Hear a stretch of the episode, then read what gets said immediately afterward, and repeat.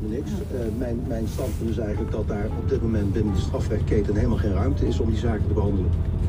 Nou, fijn. Uh, ik, zal, ik zit even te kijken of het me nu weer lukt om eens wat te gaan inspreken.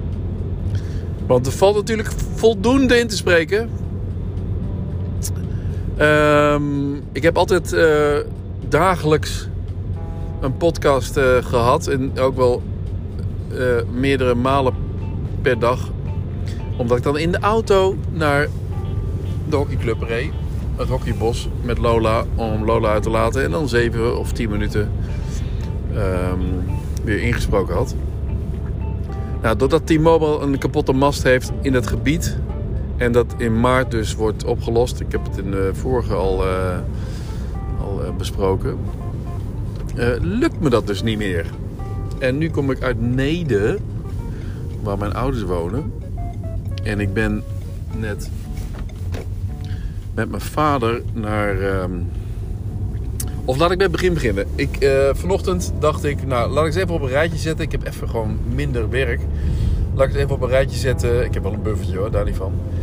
Hoeveel ik nou kwijt ben per jaar aan de auto. Of eigenlijk hoeveel ik bespaar als ik de auto helemaal weg zou doen. Dus wat bespaar ik als ik de auto helemaal weg doe? Nou, dat, ik kan alvast verklappen dat dat 10.000 euro per jaar is, als het niet meer is. Ik heb de boetes niet meegerekend. Uh, maar wel, want die boetes die rekent de Rabobank uh, ergens anders onder. Want dat is wel handig van die Rabobank. Dat die, dan kijk je bij vervoer en dan kun je per maand optellen hoeveel je, hoeveel je aan vervoer kwijt bent. En dat tel je dan in zo'n jaar op. En dan doe je nog een jaar erbij.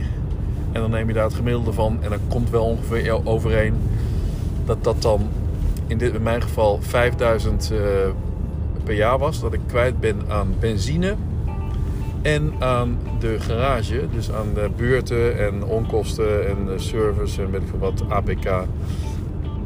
Daar ben ik 5000 aan kwijt. En dan heb je nog de belasting, de verzekeringen en ook de, de, de, de, het, uh, buitenlandverzekering en pechhulp. Die reken ik er ook mee, want die heb ik ook niet meer nodig als ik uh, niet meer met de auto kan. Nou ja, in totaal, en verzekeringen dus, en afschrijving ook, hè, want ik heb het ding ooit aangeschaft. En um, nou, daar reken ik dan 200 per maand voor. Dus uh, wat was het, 2400 per jaar. Dat is ook vrij mild, hè. Maar hij is gewoon, dit is gewoon een zware bak. En nee, ik ga toch weer rechtsaf. Dus, dan zit je dan weer, zie weer te laten. Het is tien over half vijf. Nou, dan begin ik toch maandag weer. Op vandaag maandag begin ik weer met mijn daily podcast. Hoewel, uh, nou goed, ik zal even uitleggen wat ik er aan het dingen. Uh, de 10.000 euro dacht ik van nou, ik, ik kap gewoon met die auto en ik bespaar daardoor 10.000 euro. Dat is natuurlijk niet helemaal waar, want ik moet ook uh, gewoon wel ergens kunnen komen. Maar dat, dat, dat zien we dan wel weer. Ik ga gewoon een jaar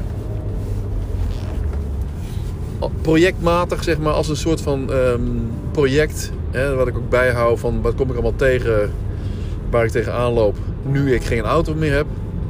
Dat, met die gedachte zat ik in mijn hoofd van ja, dan, uh, dan kom ik van alles tegen. En ik moet nu ergens naartoe. En het is vrij spontaan en ad hoc. Hoe ga ik dit oplossen?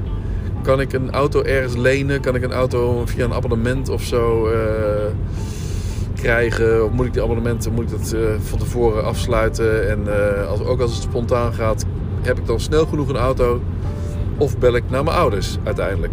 Of ze even de auto kunnen afleveren. Want ik kan er natuurlijk niet komen zonder auto bij mijn ouders.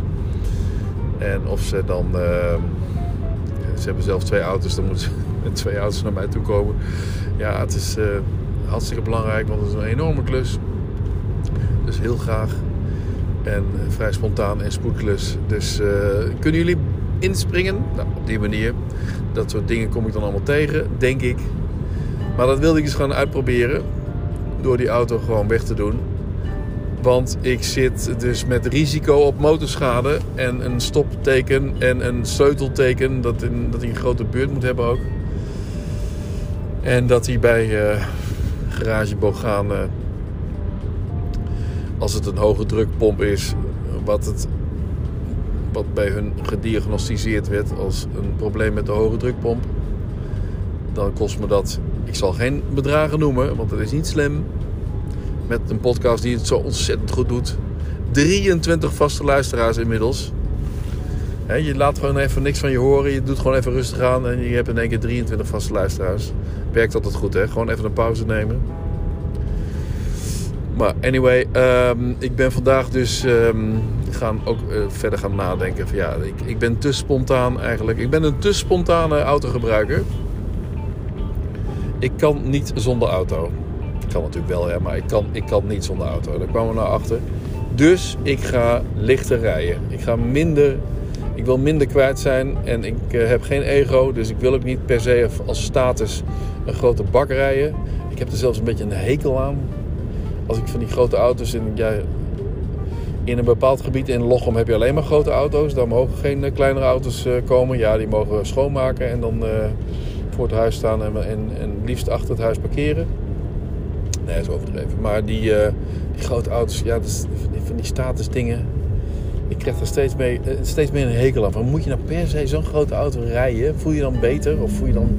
Hè? Nee, oké. Nou, ik heb dat dus niet. Dus ik... Uh, ik denk van, nou, ik ga gewoon kleiner rijden. Als ik van A naar B kom.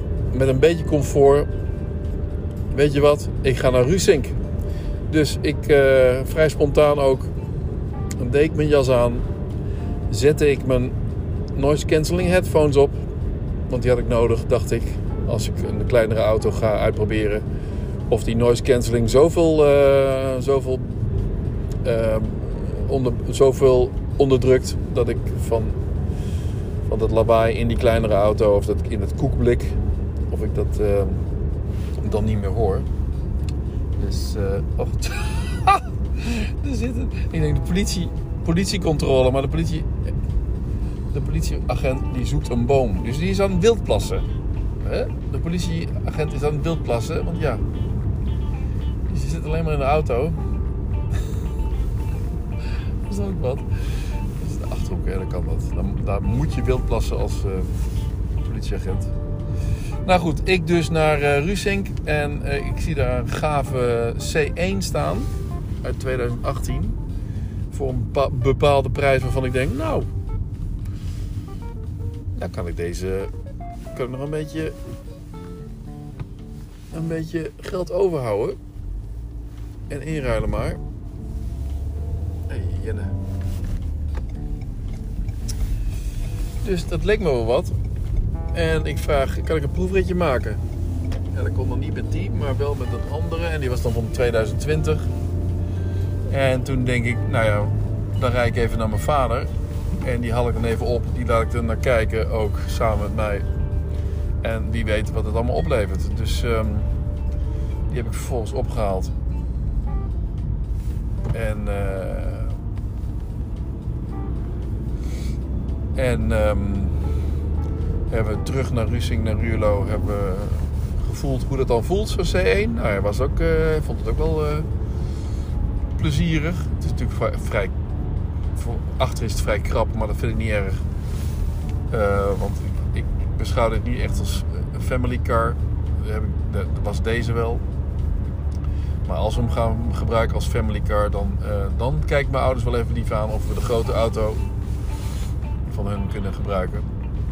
Voor een dagje uit of weet ik veel wat. Of, of voor vakantie. En dan kunnen zij dan de kleinere C1 gebruiken, wat ook eh, prima is.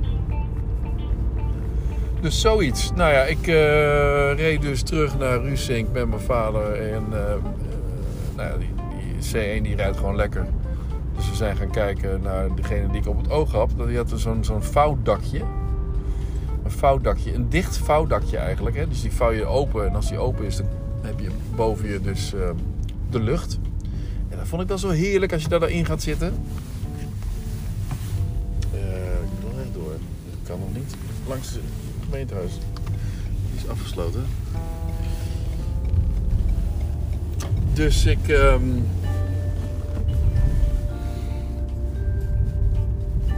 Dus ik liet hem zien en ik ging ook even. Ik heb de stoel even naar voren geschoven. zover dat ik nog wel kan rijden, kon, zou kunnen rijden. Maar dat ik de kinderen dan op zou kunnen halen en dat ze achterin kunnen zitten met genoeg voetenruimte.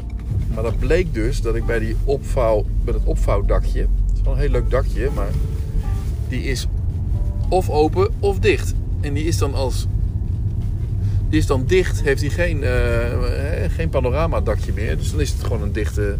Nou ja, toen kwam ik er al achter van: dit is te veel gedoe. En als ik er achterin ging zitten, dan moest ik mijn hoofd uh, naar de zijkant buigen. Nou ja, op een gegeven moment wordt Joep ook lang genoeg om dat te moeten doen. Dus met dat in het vooruitzicht dacht ik van, nou ja, zo'n opklapdakje is, ligt natuurlijk lager, want dan moet het opklapdakje moet erin of uitgeschoven kunnen worden. Dus dat neemt meer ruimte in. Dus daarom, ik ga even kijken hoe dat zit bij een wel dicht dak. Of een standaard dak. En dat was inderdaad gewoon hoger. Dus daar kon je gewoon uitgestrekt zitten. Moet je ook niet te lang zijn. Maar goed, dat kan wel. Dus dat eh, dacht ik dan, nou ja, kijk, als jij met, um, met donkere achterramen en wat luxere velgen en zo nog eentje met een dicht dak kunt opzoeken en mij daarover kunt mailen morgen, dan, dan hebben we al snel een deal. Nou goed, dat gaat hij dan doen. En morgen. Uh, en toen, oh nee, sorry, toen ben ik met mijn vader dus weer teruggereden met mijn auto. En zijn we doorgereden naar een. Uh, een garage. Zeg maar een, blanco garage die geen merken heeft, maar alles uh, repareert. Waarbij uh, die, uh, die mogelijke reparatie aan deze auto waarschijnlijk veel goedkoper zou zijn. Nou ja, die heeft meteen ook um, kunnen doormeten. Wat ze ook bij de, wat ze bij de Renault garage, waar ze veel langer over deden bij de Renault garage, was ook opvallend. Hier ging hij eigenlijk meteen toch wel snel van ja, ik kan, wel even, kan nu wel even kijken, snel. Volgens mij. En we hebben ook niks betaald, dus het is ook uh, gewoon een service geworden. En dat is nou service, hè? Maar um, die kon ook niet met zekerheid zeggen waar het dan lag. En hij heeft hem gereset. En dat hebben ze bij de Renault garage waarschijnlijk ook gedaan. Bij de Renault garage ging die bij de stoplichten al op, uh, op die melding risico op motorschade weer. Maar dat was in dit geval bij het naar buiten rijden alweer. Dus, voordat hij, dus hij start hem en toen kreeg, kreeg hij meteen alweer die melding. Die hij dus had, had opgeschoond min of meer. Of had gereset. Dus hij zegt ja, er is dus echt wel duidelijk iets aan de hand. En uh, wat het dan is, dat zullen we dus... Daar zullen we een tijd voor moeten inplannen. En dan kunnen we kijken waar het dan ligt. En het hoeft niet de hoge drukpomp te zijn. Dus het kan ook iets anders zijn. Dus ja, um, dat is de stand van zaken nu. Ik ga dus Richard van Knoop in Neder, die ga ik dan bellen. En um, dan zien we wel weer verder.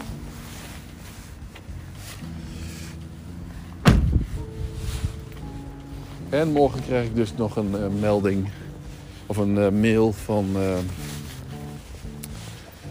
um, van Danny heet hij. Danny Opan, geloof ik. Van de Wassink groep. Want de Rusink is overgenomen door Wassink. Daar word ik ook uh, ineens. Oké, I'm home. Uploaden maar.